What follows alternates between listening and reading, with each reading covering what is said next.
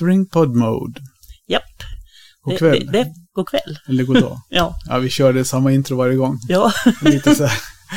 Ja, men lite corny är också roligt. ja, men eller hur. Man Ja. måste ju känna igen sig och Ja. känna sig lite hemma. Ja, precis. Ja, vi pratade precis om det innan. Om vi någon gång skulle få för oss att spela in podden på morgonen istället för på kvällen så kanske det skulle bli helt annorlunda.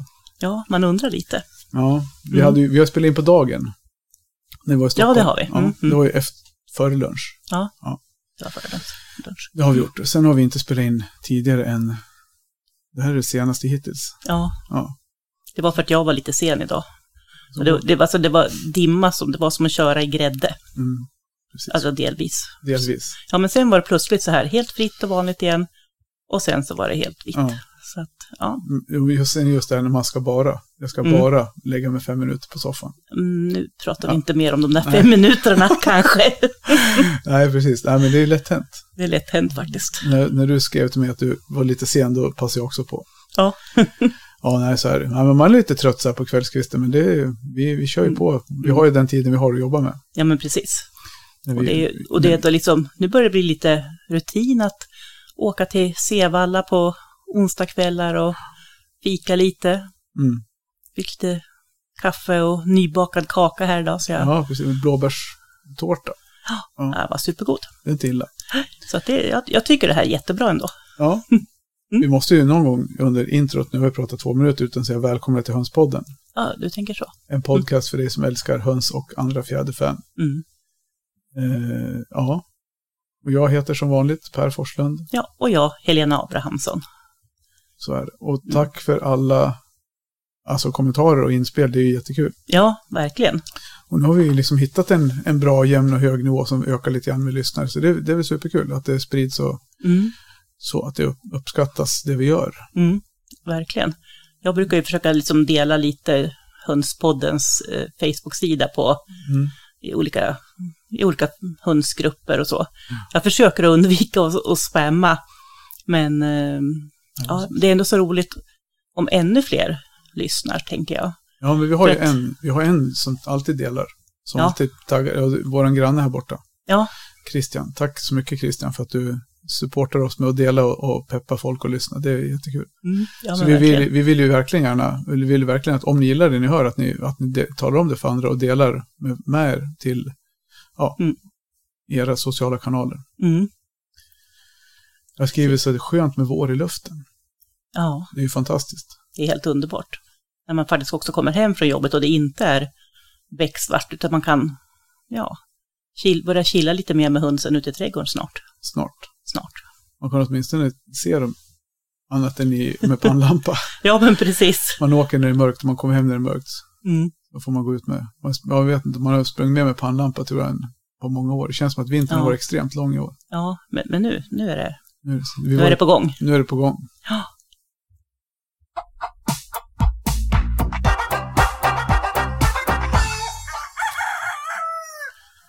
Så snart kan vi släppa ut dem, snö- bara snön är borta. Mm. Ja, alltså det börjar ju bli lite grann. Det är i alla fall lite lera utanför Ja, i trädgården nu. Så att eh, har, man, har man fyra hundar så är det lätt hänt, vill jag påstå. ja. vi har Ja. fyra hundar men vi, ja för fasen, de är mindre än dina. Mhm. Alltså era väger säkert hälften. Ja, väger som ett ben av dina. Ja, typ. Jag, jag har ju då fyra dalmatiner, så de är rätt stora och Ja.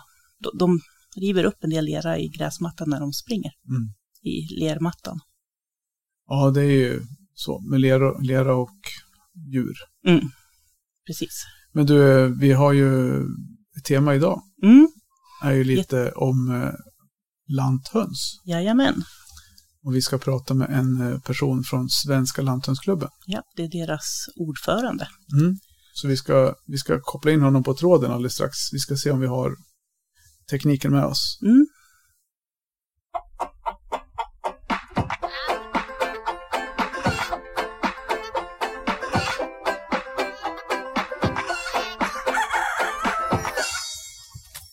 Det var en annan jingle den här gången, så man känner igen sig. Hallå, Ja. Hallå, hallå. där har vi någon på, på linjen. Ja. Du får eh, presentera dig själv. Vem är det vi har med oss? Tack så jättemycket. Jo, mitt namn är Jirka Bernlund Fors och jag är ordförande i eh, den rikstäckande eh, föreningen Svenska Lanthönsklubben vars eh, arbete går ut på att bevara våra gamla svenska lantraser inom fjäderfäna från utrotning och för framtiden helt enkelt. Mm. Mm. För de som inte känner till själva klubben, Lanthönsklubben, det är säkert någon, men hur startade den och Berätta lite mer. Ja, eh, klubben, eller föreningen startades 1986 så det börjar bli en del eh, år eh, på nacken för, för föreningen. Eh, och har i eh, dagsläget eh, cirka 2000 medlemmar och eh, ungefär 1100 genbanker. Vi kommer säkert prata lite mer om genbanker och vad det betyder och innebär mm. eh, lite längre fram i, i programmet här. Eh, men föreningen startade för att man hade återfunnit spillror av gamla svenska eh, lantrasstammar av eh, höns, ankor och gäss och eh, kände att här behöver vi ha liksom en, ett litet paraply över de här eh, raserna så att vi faktiskt inte eh, utrota dem utan att vi, vi förökar upp dem och bevarar dem för framtiden helt enkelt. Mm. Mm. Ja, men det låter spännande. Jag hoppar faktiskt över en punkt här som jag... Du måste berätta mer vem, vem du är som är ordförande och ja. lite mer om dig, dig själv och dina höns. Ja, men så är det ju. Och som sagt var 1986 när, när Landsvenskklubben startade, då var jag sex år gammal och tittade väl på, eh, ja det hette inte ens Bolibompa på den tiden, men, men eh, tittade på barnprogram och eh, har alltid haft ett väldigt stort eh, eh, framförallt stort hönsintresse men, men ett stort djurintresse. Eh, jag är eh, född och uppvuxen i Nu händer någonting här. Ja. Vi fick eh, inkommande samtal ifrån någon annan. Mm. Så teknikens ja. under. Japp, nu ska vi se.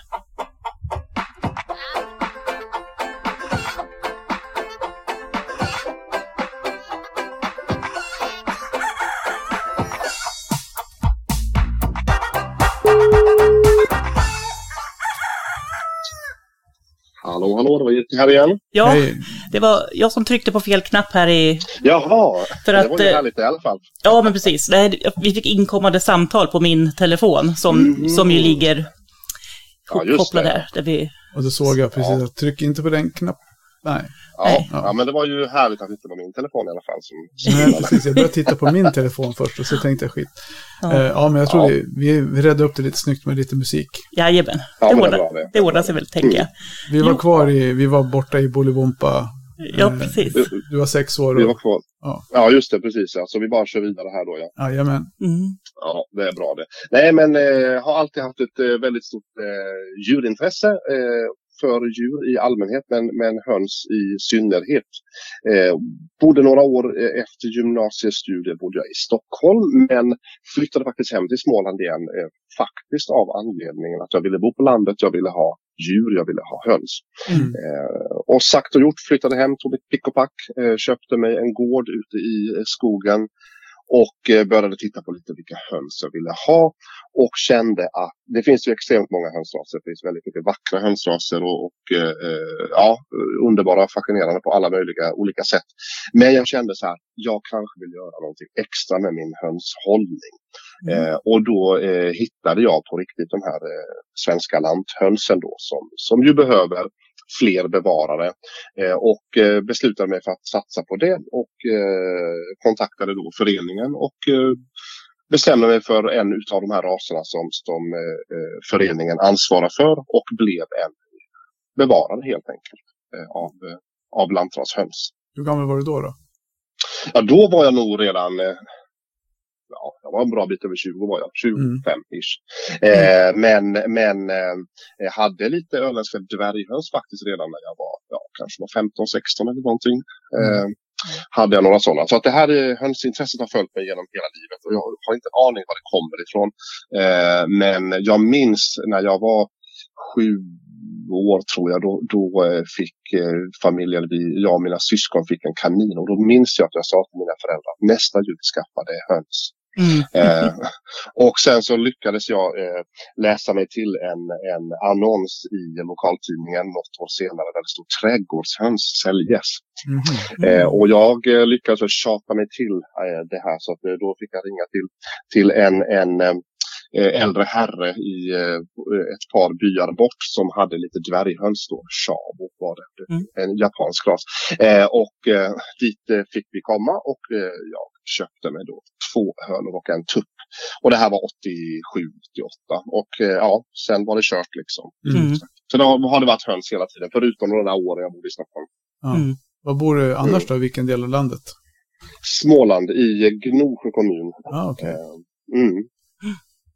Gnosjö. Ja, det har man passerat Ja. några gånger när man åker söderöver. Mm. Ja, precis ja. Lilla metropolen. Mm.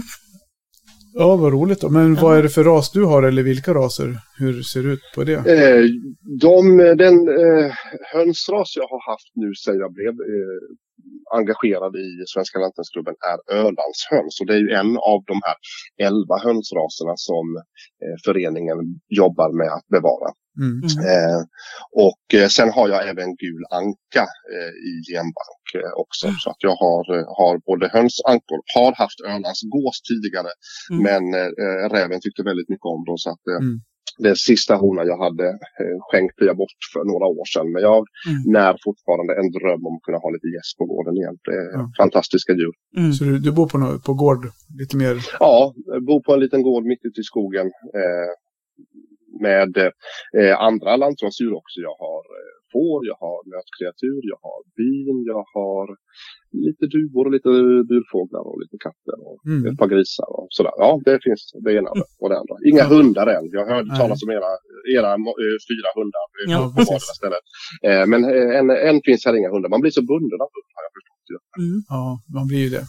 Så här, Ja, vi kan, då låter det som att vi har ett utflyktsmål i Ja, precis. absolut. för vår förening. Vi, vi gör ju några så här små utflykter ibland med vår rasfjäderfäförening. Åker, Ja, Mm. gör så här studiebesök.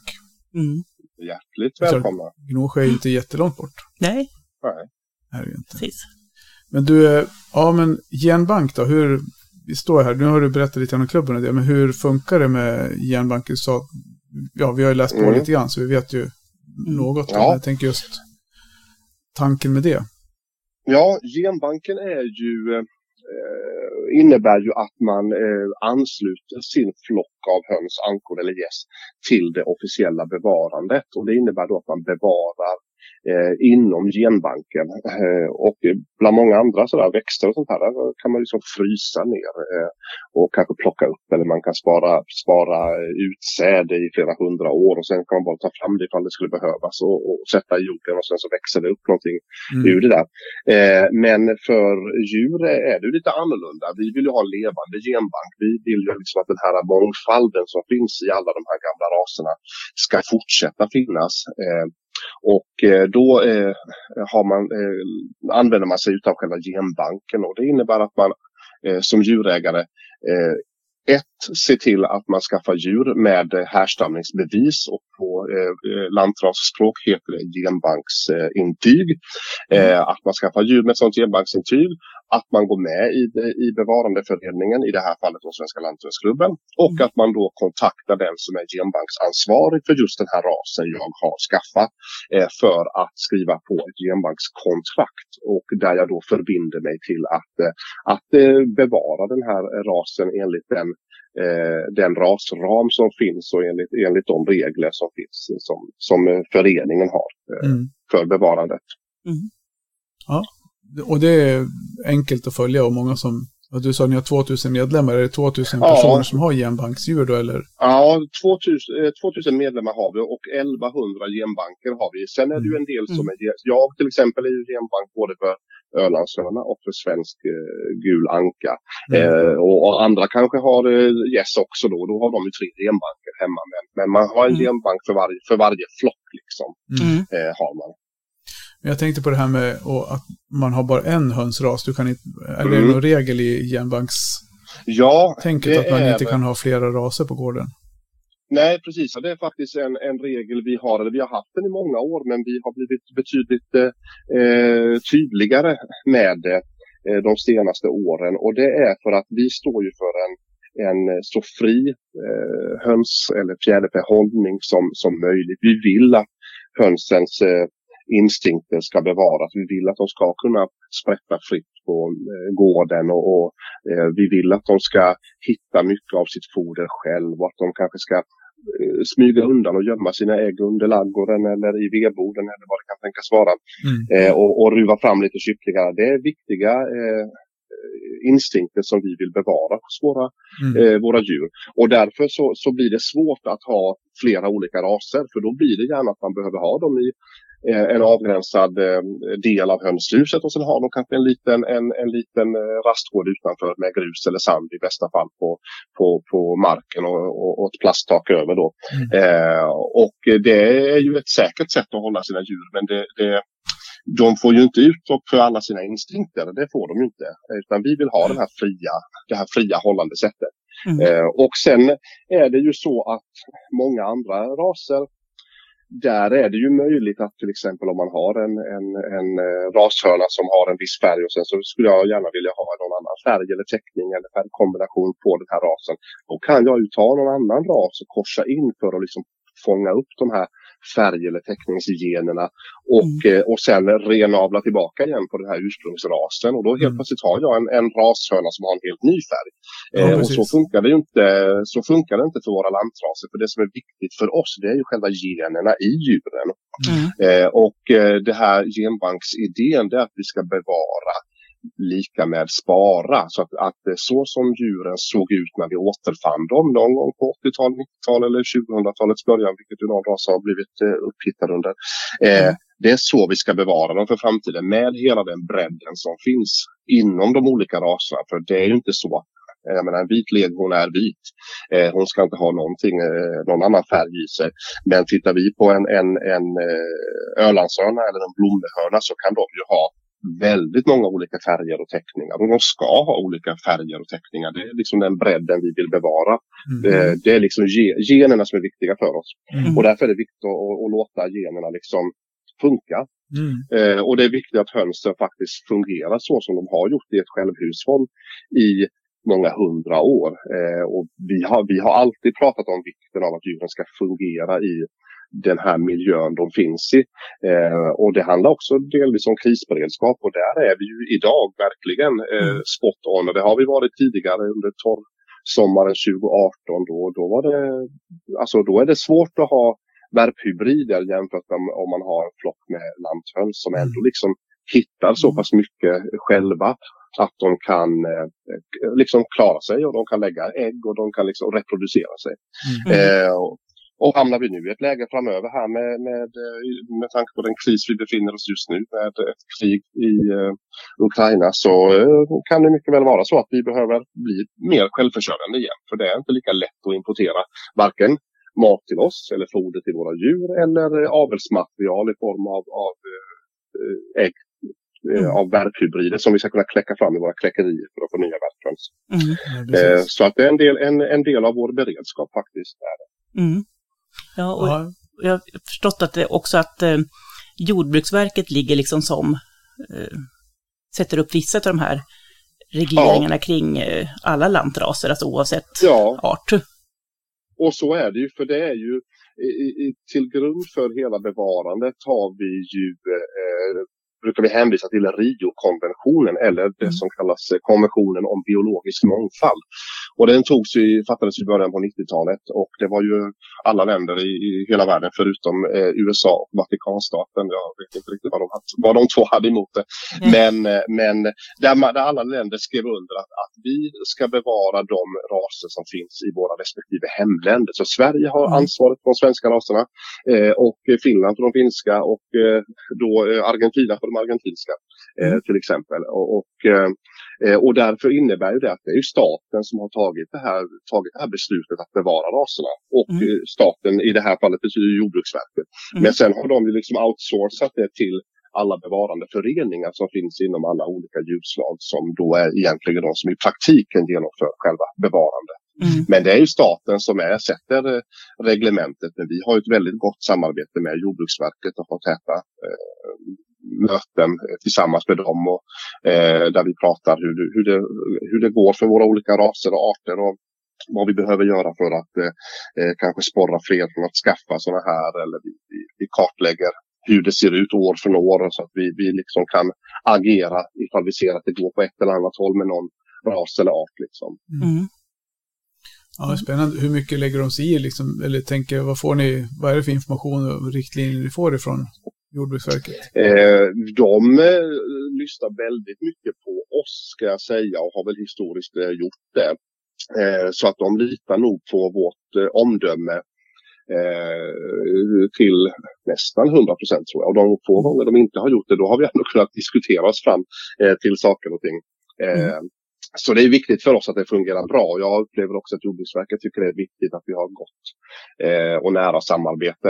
Eh, sen har vi ju har vi ju egna regler så att säga i, i våra genbanksregler. Alltså, man kan ju ha, jag tänker bara liksom hönshusmiljön, eh, att enligt djurskyddsreglerna så får man väl ha sju eller nio höns per kvadratmeter. Mm. Eh, om man behöver inte ha eh, eh tillgång till utevistelse. Eh, vi har ju i Lantmänsklubben i våra genbanksregler, där har vi sagt att eh, inomhus så är det max två hönor per kvadratmeter eller tre om det är någon av de här dvärghönsraserna som vi också bevarar. Mm. Eh, och, och det innebär ju då att hönsen som då är i en genbank, de lever ett helt annat liv än en, en värphybrid som har eh, sju, åtta eh, systrar som de ska dela yta med på en mm. kvadratmeter. Liksom. Mm. Eh, så att eh, där har vi ju ändå kunnat ta egna beslut eh, som Jordbruksverket har godkänt också. Mm.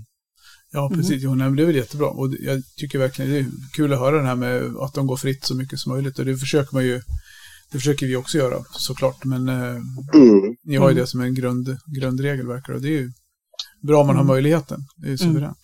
Mm. Absolut, alltså, och det är ju inte alla av oss som har. Jag, som jag sa tidigare så bor jag ju mitt ute i skogen. Det är inte mm. mer än en del, eh, några sommarveckor som jag egentligen kan låta hönsen gå helt fritt. Mm. Eh, både den här tiden på året nu och, och, och hösten, vintern är ju är det mycket eh, rovdjur runt omkring. Det, mm.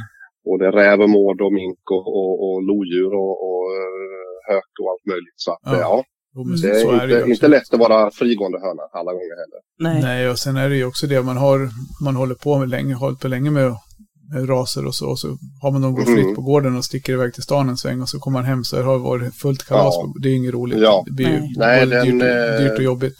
Mm. Ja, den är trist och den, det blir en väldigt hög tröskel för många att börja om faktiskt. Vi, mm. vi hör ju det i föreningen också, liksom att, att eh, det blir man ledsnar och mm. lägger av. Liksom. Och det är ju förståeligt även om man liksom önskar att folk bara kunde, kunde satsa en gång till och liksom bli mm. bättre då mm. på att faktiskt inte släppa ut dem om man ska iväg och sådär. Men, ja. Mm.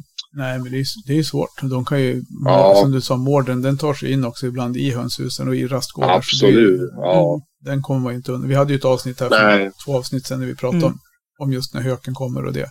Ja. Och det är svårt att värja sig mm. mot. Men, eh, jo, men så är det ju verkligen. Du sa att ni har elva raser, och, och, men är det, det är höns och sen sa du ankorgäst, vad är det för? Ja. Men, men vilka raser elva, jobbar ni med? Ja, vi har elva hönsraser eh, och där är nio stycken så att säga stora raser och två är dvärgraser. Mm. Och eh, sen har vi fyra olika ankraser eh, och två gåsraser. Och mm. eh, bara för att förvirra lite så är det ju så att vi, vi har genbank för eh, gul anka och för blå anka och för Ölandsgås och Skånegås. Och sen har vi även då genbank för svarthörna eller bohuslän svarthörna som vi kallar det. Mm. Och de här raserna finns ju även under Svenska Rasfjäderförbundets eh, paraply. Mm. Ja, eh, och eh, det kan ju vara jätteförvirrande för en nybörjare då liksom. Att, nej, men jag har ju köpt, eh, eh och, och förlåt, eh, sen finns ju även då gammal svensk dvärg som egentligen är själva eh, om man tänker den här gamla delen som sen blev svensk dvärghöna. Mm. Eh, så att då har vi ytterligare en ras. Och eh, är man då nybörjare och har köpt eh, gulankor och sen tänker man wow, det här vill jag ansluta till genbanken. Eh, och sen så kontaktar man oss och sen så möts man i, i stort sett av en, en dörr i ansiktet. Mm. Man får reda på att, att man inte har det här magiska eh, ordet på genbanksintyg. Att man faktiskt mm. inte har, har köpt från en befintlig genbank så att man vet att det här är ankor med, med eh, rätt härstamnings, eh, Mm. härstamning. Då. Mm. Eh, och det är ju egentligen bara för att vi har valt, vi har kommit till ett vägskäl någon gång eh, där vi har valt ena hållet och Rasbiograförbundet har valt andra hållet. Det är Mm. egentligen inga, inga motsättningar på något sätt utan eh, för vår del, det, det brukar ibland nämnas som en historia om en Skånegås som vann första pris på en utställning. och det visade sig att han var till hälften italiensk gås. Mm. Ja. Mamman och pappan som var ita- vit italiensk och, och den andra var Skånegås. Mm. Och det är ju faktiskt om man nu ska, om man nu ska vara lite lite tillspetsad eh, så är det ju faktiskt så att ställer man ut en höna då är det bara utseendet som räknas. Den ska se ut på ett visst sätt. Den ska väga ungefär på ett visst eh, antal eh, gram eller kilo och den ska ha en viss färg och, och en viss kamform och sådär. Mm. Eh, och, och så länge det ser ut som en, en min, svart minorca, ja då är det en Mm. svart minorca. Mm. Men så är det ju inte i Lanthönsklubben då. En Åsbohöna utan genbanksintyg är ju bara en höna vil- vilken som helst. Så att Mm. i Mm. vår värld är det generna som är det viktiga. Medan man då inom utställningsvärlden, där är det det, det som ögat möter som är det viktiga. Liksom. Sen är, är det ju inte helt vattentäta skott givetvis. Det är klart att, att, att man inte bara korsar hej vilt för att lura lura en domare att man har fått- fram en, en fantastisk rashörna. Så är det ju inte. Men, men just att, eh, att det faktiskt är så att vi kan ju inte korsa in någonting annat. Utan vi har de raser vi har och vi har de antal djur vi har inom varje ras. Vi kan inte plocka in någonting annat ifall vi skulle behöva liksom vitalisera en ras eller någonting. Utan vi Mm. kan bara jobba med de, med de djur vi har i vår palett. Liksom. Men har ni, Mm. nå- har ni något, liksom, något test eh, för att testa det där då? Alltså när man tar upp en ett genbanksdjur. Mm. Hur vet ni att det är, för det är ju antingen DNA-testning då egentligen som är det enda som funkar. och, men, eh, ja, så är det. Och DNA-tester är också svåra för då behöver vi liksom jämföra dem med någonting. mm, Mm. Eh, och, och, och, och gör man ett DNA-test och ser att det blir en att det inte ger någon träff, ja det betyder bara att den inte är lik någon av de här andra raserna man har testat tidigare då. För att alltså, det finns ingenting som, som inga pusselbitar som är lika varandra. Eh, och vi har gjort en del lite förenklade DNA-tester har vi gjort bara för att se lite sådär att, att eh, finns det någon inslag om man tänker liksom moderna raser i våra gamla och där har vi inte hittat eh, någonting Mm. eh, som Mm. tyder på att det i modern tid har använts någon modern ras i.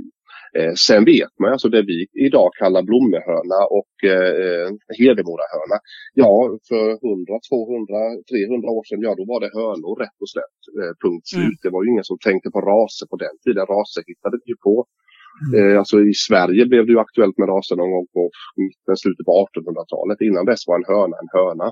Mm. Eh, så Ja, att det- det, det har ju det är aldrig lite funnits det jag tänker på. Hur, vad är det som har gjort och fastställt att ni har liksom, att ja, just den här genbanken är det den Ja. är?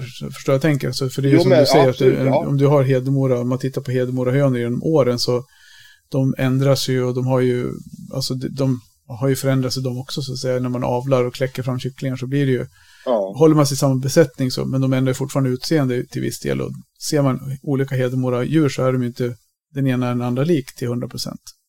Nej, så vad är det liksom som avgör då att ju- två genbanksbesättningar är typ genbanksbesättning? Ja, förstår jag menar? Ja, ja, absolut. Jag förstår vad du menar. Och det är för att de, de från början kommer ifrån samma, eh, samma eh, flock. Alltså ifrån i, i Hedemora eh, hönsens fall så var det ju eh, Viola Forsberg som samlade ihop höns eh, som, som eh, hon kände igen sedan sin barndom. Mm. Eh, och vi kan, eh, min egen ras då, Ölandshöns, eh, är ju ett talande exempel på att, att man har liksom kunnat följa historiken eller historien bakåt i tiden. Och då var det mitten på 80-talet eh, så var det en kvinna som ville skaffa sig lite höns.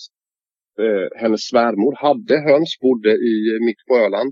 Eh, hon hade en eh, handfull hönor, fem hönor tror jag och två tuppar kvar. De hade hon fått utav sin eh, farfar eller pappa. Vågar inte riktigt svära på det. De hade hon fått på 20-talet hade hon fått överta den flocken. Eh, och eh, den hon hade då fått dem av, om det var pappa eller farfar, hade i sin tur haft den här flocken i, under alla sina år på gården. Mm. Eh, och och då vet vi när vi liksom hörde den här historien att det här är ju inga moderna raser som har tagits in. Och då ställde man frågan till, till den här Berta som hon hette. Att har du köpt eller tagit in djur någon gång? Nej, de var härifrån och ville sälja vit leghornkycklingar och vit leghornägg. Men jag sa att de hönsen vi har, de värper tillräckligt. Så jag var aldrig intresserad. Det var ju det man gjorde på den tiden. Man mm. gick ju och knackade dörr och, och erbjöd mm. folk att byta ut sina gamla inavlade höns som det hette då mm. eh, till rashöns. Eh, och enda hon hade bytt djur med var med sin bror som hade höns av samma stam. Då. Mm. Och eh, eh, då Katarina som den här kvinnan hette som ville ha lite höns eh, frågade sin svärmor om inte hon kunde få ta eh, de här äggen eh, som de här hönsen hade värpt och lägga i kläckaren för att få fram lite höns som hon skulle ha. Och eh, sagt och gjort, det gjorde hon och la i dem i kläckaren och någon eh, tid senare, bara någon vecka eller två, så dog den ena tuppen. Och eh, en handfull kycklingar kom då ut ur de här äggen och där eh, insåg man ju då att det här är ju säkert något gammalt och bevarandevärt och då eh, eh, kontaktades föreningen som då kom och gjorde hela den här undersökningen. Intervjuade den här kvinnan som hade haft den här flocken i alla år och, och, och kollade liksom eh, hur ser hönsen ut? Ser det ut som att det skulle kunna vara någon annan ras i de här eller har de ändå varit ganska enhetliga även om färgerna kan variera lite.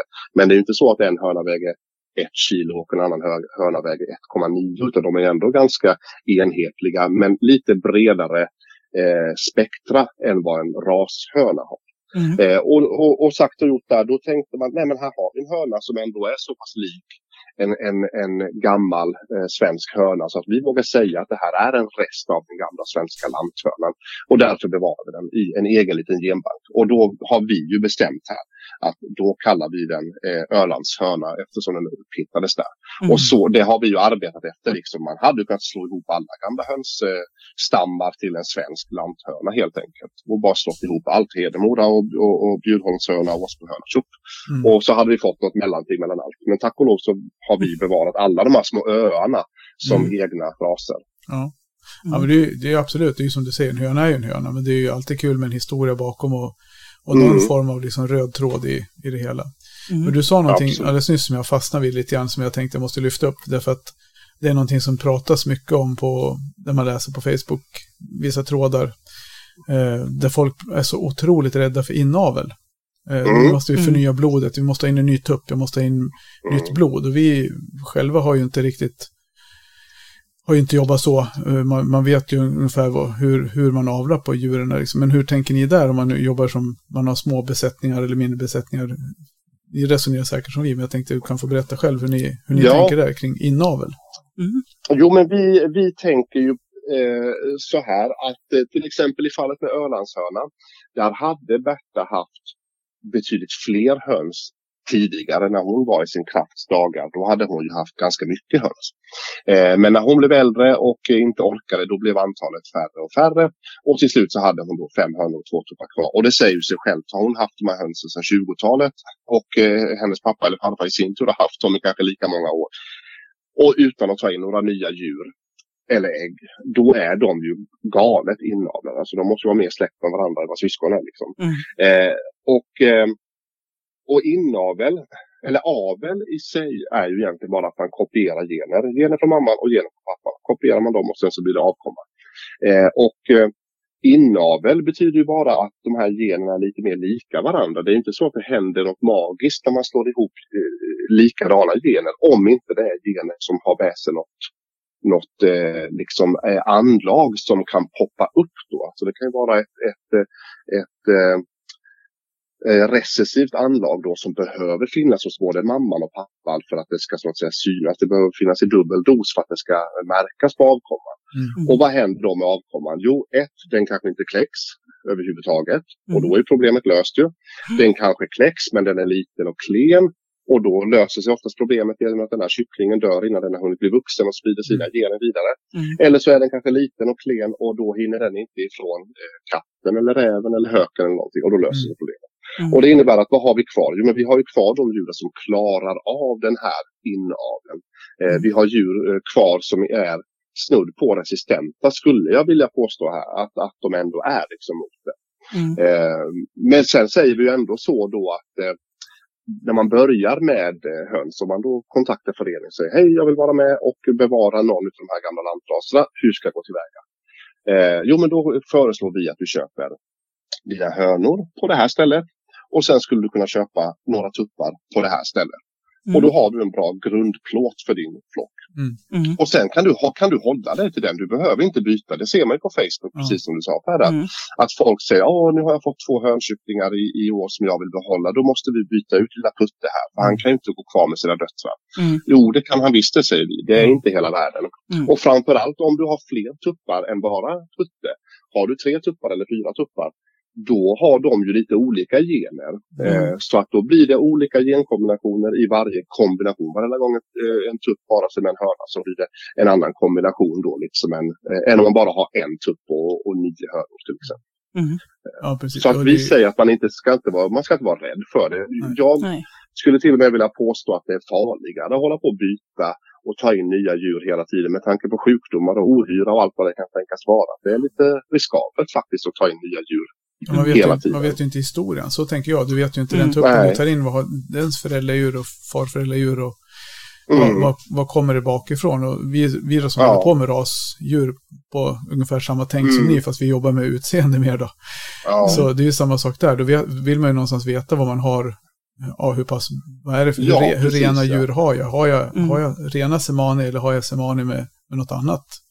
Ja, och det är som sagt var, då köper du en trupp som ser ut som en semani, ja då tänker man wow, det här var en bra trupp, betala 30 Mm. pris för den. Och sen så visar sig avkomman vara att det faktiskt ligger någonting annat bakom och då är det ju Mm. verkligen en besvikelse. Så att eh, man behöver ha lite koll på vad man har för gener i, i sina djur. Mm. Eh,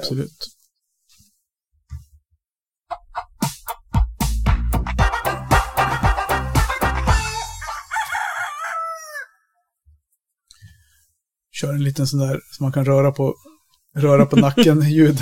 Ja. Eh, ja. men det, absolut, det, låter, det är ju superintressant för det är ju ja, det är alltid kul att höra hur andra hönsrasföreningar jobbar. Det, är alltid, Ja. Mm. det låter ju som att grunden i ert och grunden i vårat är ju i princip densamma. Det är ett Absolut. be- bevarandearbete men Ja, med lite olika fokus. Mm. Precis, absolut. Och det är ju det, är det som är kul. Vi måste ju, vi får väl hitta på någonting ihop då, rasföreningarna emellan.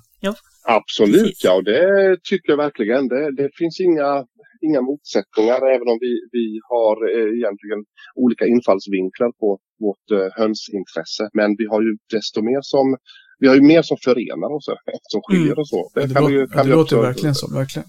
Mm. Jag tänkte på, Mm. du pratade förut om hotade raser, det här med, ja, som Jordbruksverket kommer till er med. Hur, eh, Ja, har ni någon direkt ras idag som ni jobbar med som är hotad i eran? Ja, alltså vi eh, varje år i början eh, av januari så skickar vi ut en, en eh, genbanksrapport, alltså en årsrapport till alla de här 1100 genbankerna. Och där vi ber att, eller ber och ber, vi kommer en del av, för det är en Ja, del ja, av bevarandet. Att det är det man förbinder sig till, att, att fylla i den här årsrapporten också. Mm. Så att vi kan se vad är det som händer med raserna. Eh, blir det fler eller blir det färre? Eh, blir, eh, ser vi några sjukdomar? Eh, för det får man ange om man, hur, många kycklingar man hur många ägg man har lagt under en höna. Eh, och hur många kycklingar som kommer fram. Var det några kycklingar som blir sjuka eller svaga? Eller har du haft några vuxna djur som har haft någon konstig sjukdom och sådär. Så att vi följer liksom det här år från år. Det här har vi gjort då sedan 86. Så att det börjar bli en hel del år nu. Eh, som, som, eller förlåt, eh, 86 eh, började vi inte riktigt med det. Vi började på med det i början på 90-talet. Att vi började årsvis rapportera på det här sättet. Mm. Men, eh, och då ser vi ju att vissa raser går ju upp och andra går ner. Det är liksom helt i sin ordning att, eh, att de gör det från år till, till annat. Men ser vi däremot att vissa dippar rejält, då behöver vi agera. Vi behöver också agera ifall vi ser att vissa skjuter iväg eh, rejält. För att eh, det har vi lärt oss att eh, när, när, när någon ras blir lite synlig, det kan vara att det är någon som är duktig på att annonsera ut sina djur på Facebook eller det har dykt upp några snygga hönor i något tv-program eller någonting. Pang märker vi det på en gång. Då vill, då vill folk ha den rasen. Mm. Eh, nej men så vi följer det här eh, från år till år. Och eh, och agera då ifall vi ser att, att någon kanske tappar fart eller får tappa luft under, under vingarna. Men vi kan ju heller inte tvinga folk att skaffa en viss ras utan ringer någon till mig och säger hej jag har flyttat ut på landet, jag vill hjälpa till att bevara Eh, och jag har fastnat för den här rasen. Ja, oftast har man ju redan gjort det. Man har redan kollat runt och läst på och har fastnat för en ras. Mm. Det är ju inte jättemånga som ringer och säger vilken ras behöver min hjälp? Nej, det, hade varit, det hade varit det allra bästa ifall mm. man ringde och sa att ja. jag vill bara ha, jag vill ha en flock med hönor som värper och som ger mig lite, lite eh, tuppar som jag kan eh, slänga i grytan. Mm. Och vilka ras behöver ni mest hjälp med? Det hade varit, eh, det hade varit perfekt. Det hoppas jag att den här, det här avsnittet ja. fler sådana bevarande. Ja, men då, får, då, får du svara på den, då får du svara på den frågan. Du får svara på två frågor nu då. För det mm. första, vilken ras behöver er hjälp, eller behöver hjälp för att bli fler? Mm. Och sen den andra eh, frågan är vilken ja. ras ska jag skaffa om jag vill ha mycket kött i grytan? Mm. Ja. Eh, om du ska välja eh, att vilken som behöver flest eller vilken som behöver mest hjälp för bevarande så är det Orusthörna eller Bohuslän-Dals svarthörna. Mm. Eh, och eh, vi eh, kliar oss i skallen varenda år när vi går igenom den här årsstatistiken. För vi fattar inte varför de här liksom ligger och skvalpar på. Orustörnan ligger på 470-80 djur totalt. Svarthörnan ligger på 400 djur. Det enda vi kan komma fram till det är att de är inte riktigt lika heta rent mm. utseendemässigt. Blommehöns är stora har jättefina färger. Och Hedemora är ju, ser ju så lite små knubbiga ut och har mm. liksom fluffiga byxor på sig. Och, mm. eh, öländsk dvärghörna då är ju också färgsprakande och sådär. Men de här är lite, svarthörnan den är bara svart, vilket en del tycker är lite tråkigt. Eh, mm. Orushörnan är, är svartvitfläckig och de flesta ser lite likadana ut och folk tycker mm. att nej, men jag får inte den här mångfalden riktigt. Så mm. vill man göra en insats för bevarande så väljer man någon av de raserna. Vill man ha maximalt med kött i grytan, ja då är det nog kanske blomme eller mm. hedemora eller någonting där som är, är liksom de största. Men det är ju inte, det går ju inte att jämföra med någon eh, försöka komma på någon bra köttras, någon Sussex eller någonting sånt här, eller Plymouth Rock eller något sånt mm. eh, alla de här raserna har ju varit eh, det man brukar kalla för kombinationsraser. Liksom. De ska värpa lagom, de ska ge lagom med kött och, mm. eh, och sådär. Så att det, lagom är liksom ledordet på något sätt för våra lantraser. När ni ser en ras som, som typ går ner och dippar, eller ja, mm. det, det är det ena. Vad gör ni, hur gör ni då, då för att liksom jobba upp en ras? Eh, ja, vi försöker att lyfta dem kanske i vår medlemstidning Hanegället. Eh, märker vi att det räcker, man, man, man, skriver någon artikel om det eller något reportage eller man kan också skriva rakt upp och ner. Vi behöver faktiskt fler som engagerar sig i, i den här rasen. Eh, mm. Så det kan man göra. Eh, och sen får man försöka styra de som ringer och, och, och ha lite öppna frågor och kanske inte riktigt har bestämt sig än för vilken ras det är. Eh, och eh, och försöker eh, pusha dem till att skaffa någon av de här raserna som, som vi har sett under flera år då har tappat. För att, att, eh, att någon ras dippar eh, några procent från år till år, det, det, det, det har vi lärt oss att det är helt okej okay att det gör det. Mm. Men när vi ser att de tappar luft år från år, då, då behöver vi agera mm. lite. Mm. Men, och i värsta fall så händer det ju att vi då funktionärer närmast sörjande får ställa upp ifall det är så att någon lägger mm. av med sin flock. Då får man göra en liten utryckning och sen får man mm. ha en flock av någonting annat eh, i, i, i något, något, något av sina hönshus. Det har jag haft eh, några gånger under åren här. Att man har fått göra någon liten utryckning. Mm. Och sen har man de här och sen så försöker man portionera ut dem sen när, när det dyker upp nya intressenter. Mm. Ja, jag måste säga att jag var ju på vippen, eller just eh, svarthönsen var ju en av mina mm. raser som jag var lite sugen på innan ja. jag nu skaffade mina dvärgwayandotter som det blev ja. till slut. Mm. Och jag tänker att det är ja, konstigt, jag tycker, att, jag tycker de är så fina. ja, jo men så är det. Och antingen gillar man dem eller inte. Antingen mm. tycker man dem jättefina eller jättefina. Det mm. finns liksom inga, inga vidare mellanting där ute. Nej. Nej, precis. Så, men i mitt fall var det liksom slumpen som avgjorde att det blev ja. det ena framför det andra. Så, för mm. även dvärgwayandottern är ju liksom en, en ras som ska vara en god fodersökare. Den ska ha, Absolut, den ska liksom klara av lite lagom kyla, den har ju roskammen och, mm. och så. Så, mm. så att jag tänkte att ja, det fanns många parametrar som ändå var ganska lika där. Mm, absolut, och där Men, ser man. Det är ju ja. inte så mycket egentligen som skiljer oss åt. eh, Utan det är, det är lite samma parametrar, samma måttstock vi har på våra djur ändå. Så är det ju. Mm. Absolut. Jag tänkte på en annan sak som du sa när vi pratade om där när ni får in era rapporter där. Om ni har en ras som pikar och sticker iväg, och gör ni någonting åt det eller låter ni det bara vara eller har ni, ringer ni runt och säger nu får ni sluta sälja djur? Ja, ibland önskar man nästan att man kunde, kunde få göra det. Eh, och det är ju lite det här med bevarandet. Vi ska bevara generna. Vi ska, Mm. bevara, vi ska se till att rasen i sin helhet kan bevaras. Vi brukar likna det vid ett, när man planterar ett äppelträd så måste man se till att beskära det riktigt ordentligt de första åren så att alla grenar ska få liksom samma förutsättningar att växa sig stora och starka. Vi ska bara ta bort de här grenarna som växer helt åt fel håll eller som är dåliga på något sätt. Mm. Eh, men, he men hela trädet ska få samma möjligheter att växa. Eh, och därför är det ju egentligen livsfarligt ifall någon, och det har vi sett prov på genom åren här, framförallt sen Facebook slog igenom, Mm. att en del blir på ren svenska skitduktiga på att annonsera och sälja via Facebook. Mm. Mm. Och då helt plötsligt ser vi, då är, kan man likna det vid att en liten gren på det här äppelträdet får liksom växa ohejdat i flera år och blir liksom tar över hela trädet. Mm. Eh, och det är klart att vill man, vill man ha höns utav den rasen då är det lätt att bara skicka ett meddelande. Och lägga, man kan nästan typ klicka hem dem i varukorgen och gå till kassan och betala. Mm. Bara åka och hämta. Men ser man till bevarandet så fattar man ju då att det här är ju på väggarna ifall det är så att en eller två besättningar står för all nyrekrytering Mm. eller all nyförsäljning inom, inom rasen. Eh, så där måste vi liksom eh, se till att, att skapa möjligheter för de andra grenarna att växa. Vi kan ju Mm. inte ringa till dem och säga, hörru du, nu får du faktiskt inte sälja mer. Det har vi gjort några gånger och försökt förklara. Och de flesta gångerna har folk verkligen förstått vad vi har sagt också. Mm. Men, men ofta handlar det om att peppa andra. Ja men du, du brukar ju ändå ha tre, fyra hönor som lägger sig och ruvar under säsongen. Och du brukar nacka dina överskottshönor på hösten och, och, och lägga i frysen. Men skulle du inte den här gången kunna tänka dig att släppa två eller tre hönor eller två eller tre tuppar så vi kan få ut dem till andra genbanker. Mm. Eh, och, och det ställer folk upp på. Folk tänker att det bara liksom inte på att nej, men det är väl ingen som är intresserad av mina djur. Jag har min flock här och de förser mig med ägg och kött och sådär. Så Mm. där får vi ringa runt lite ibland och peppa folk att faktiskt eh, sälja lite. Mm. Eh, så att vi kan, vi kan ge förutsättningar för deras gren att få växa också. Mm. Men eh, ja, och sen är det ju vissa, det blir, går mode i vissa raser. Hedemora har ju varit eh, het i alla år. Liksom. Det har Mm. den ju. Mm.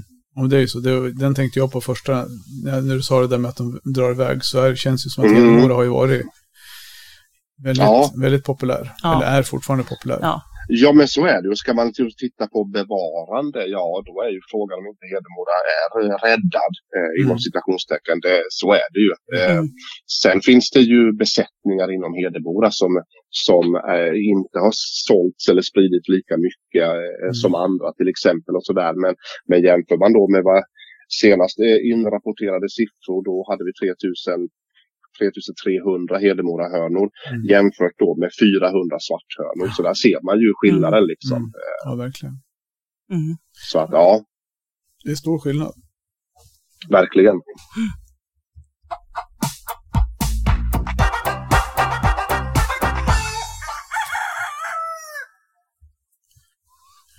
Mm. Tänkte vi passa på medan vi har dig kvar på tråden och ta veckans fråga. Mm. Mm. Vi har ju, vi brukar ju snappa upp någonting på sociala medier.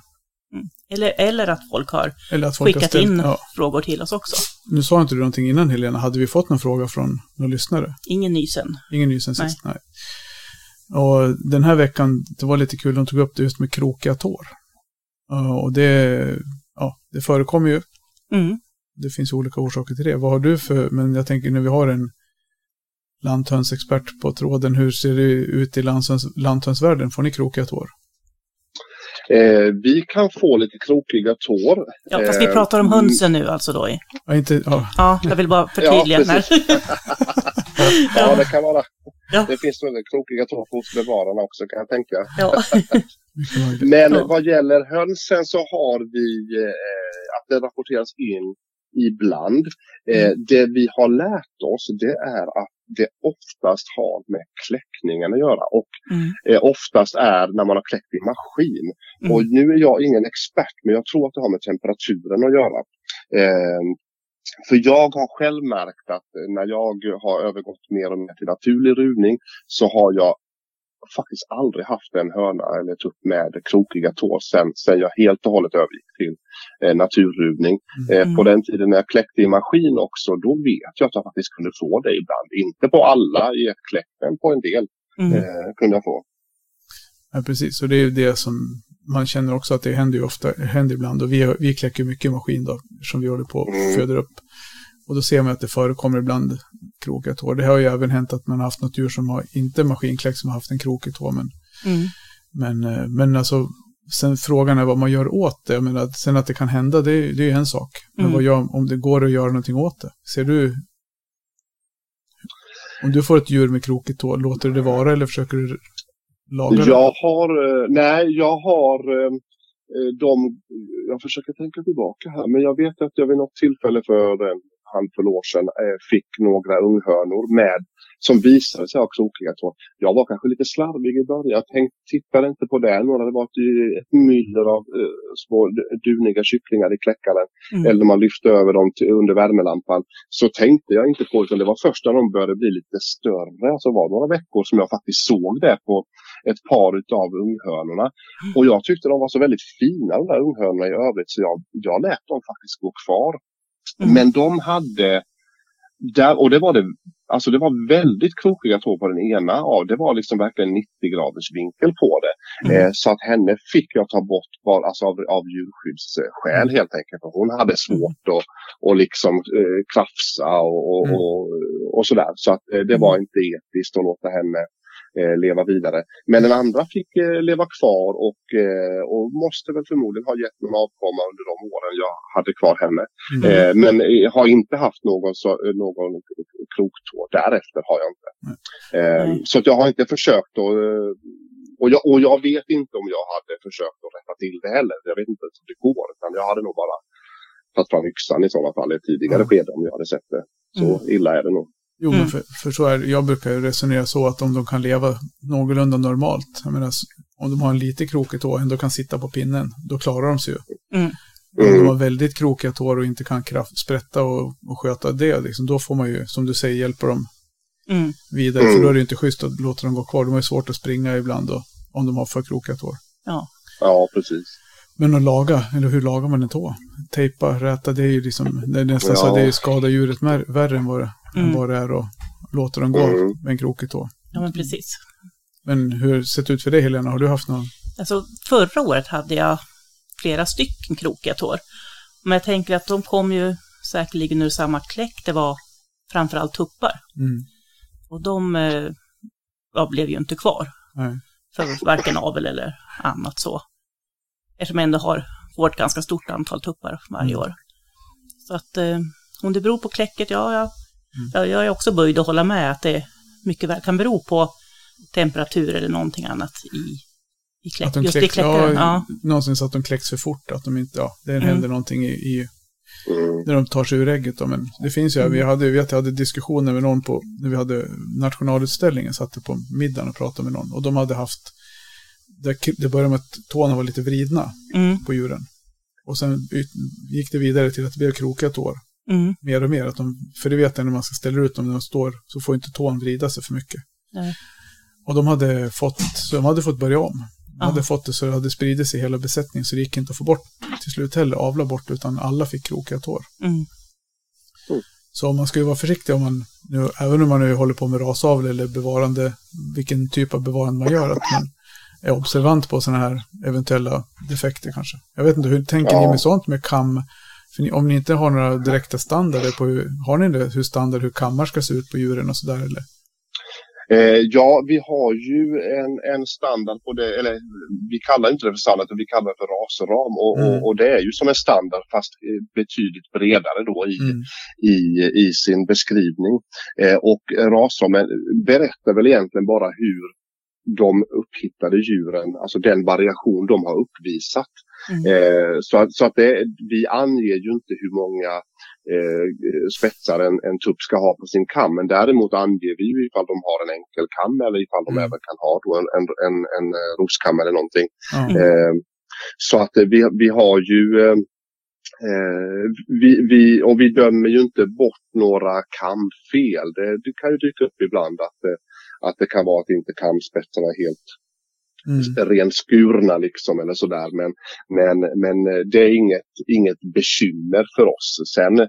tänker jag väl ändå att står man där på höstkanten och ska behålla ett par tuppar och ska nacka resten, ja då kanske man väljer dem som ändå har Mm. fina och rejäla eh, kammar till exempel om det inte är det man tittar på. Eller, eh. Jobb, jobbar ni någonting med, ja, med någon typ av utställning eller sånt? Har ni någon sån verksamhet? Nej, eh, det har vi inte och, eh, eh, och vi har till och med i, i vårt reglemente då för genbankerna så står det att vi, vi får inte ringa våra djur med fast fotring. Och det är av den anledningen att vi någon gång i, i tidernas begynnelse hade någon, någon som var medlem i båda föreningarna och som hade någon tror jag det var så att en ankras eller någonting och ställde ut och hade genbank i, i, i samma besättning liksom. Mm. Eh, och och, och, det, det funkar inte. Eh, så vi ställer inte ut för eh, bedömningsutställning eh, men däremot så ställer vi gärna ut eh, alltså så att säga rent propagandautställningar liksom, Mm. och visar Mm. upp eh, mångfalden. Gör vi. Eh, och det är ju uppskattat precis som det säkerligen är för alla, alla rashöns också. Ju. Ja, ja, men Ja, propaganda, precis. propaganda brukar vi också köra när man samlar ihop alla, Ja, alla raser man har i föreningen och så åker man till någon, ja, någon skördefest eller någonting och visar upp djuren. Mm. Det, det Mm. brukar vara väldigt uppskattat. Och det är Mm. kul både Absolut, för de ja. som har djuren och de som kommer till själva liksom, tillställningen då. Mm, mm, verkligen. ja. Ja, Mm. härligt. Vilket kul Ja. snack vi har, har haft. ja, verkligen. Jä- Ja. jätteintressant. Det, Så jag mm, tänker, det, det här kan man babbla på länge om. Ja, Ja, absolut. verkligen. ja, nej, men du, vi gör så. Vi har ju ditt nummer och om, Ja. vi, får, om vi får för oss nu i sommar och göra en hönsresa söderut så då, då kanske vi kontaktar dig då. varmt, Ja, välkomna hit är ni. ja, det Ja. tror jag. Ja. Ja, låter jättetrevligt. Men, ja, om inte du har något mer Jirka så tackar vi så hemskt mycket för, för din medverkan. Absolut, det är jag som tackar för att jag fick vara med. Ja, kul. Ja, nej, men jättekul. Så vi, vi gör en sh- shout-out på orusthönsen och, Ja, precis. och, Och på svarthönsen, svarthönsen. ja. Ja, Det är precis. vi tacksamma för. Är vi. Japp. Men du, på, på återhörande. Absolut. Hej då med. Ja, tack Hej, så hej. jättemycket. Hej. Hej.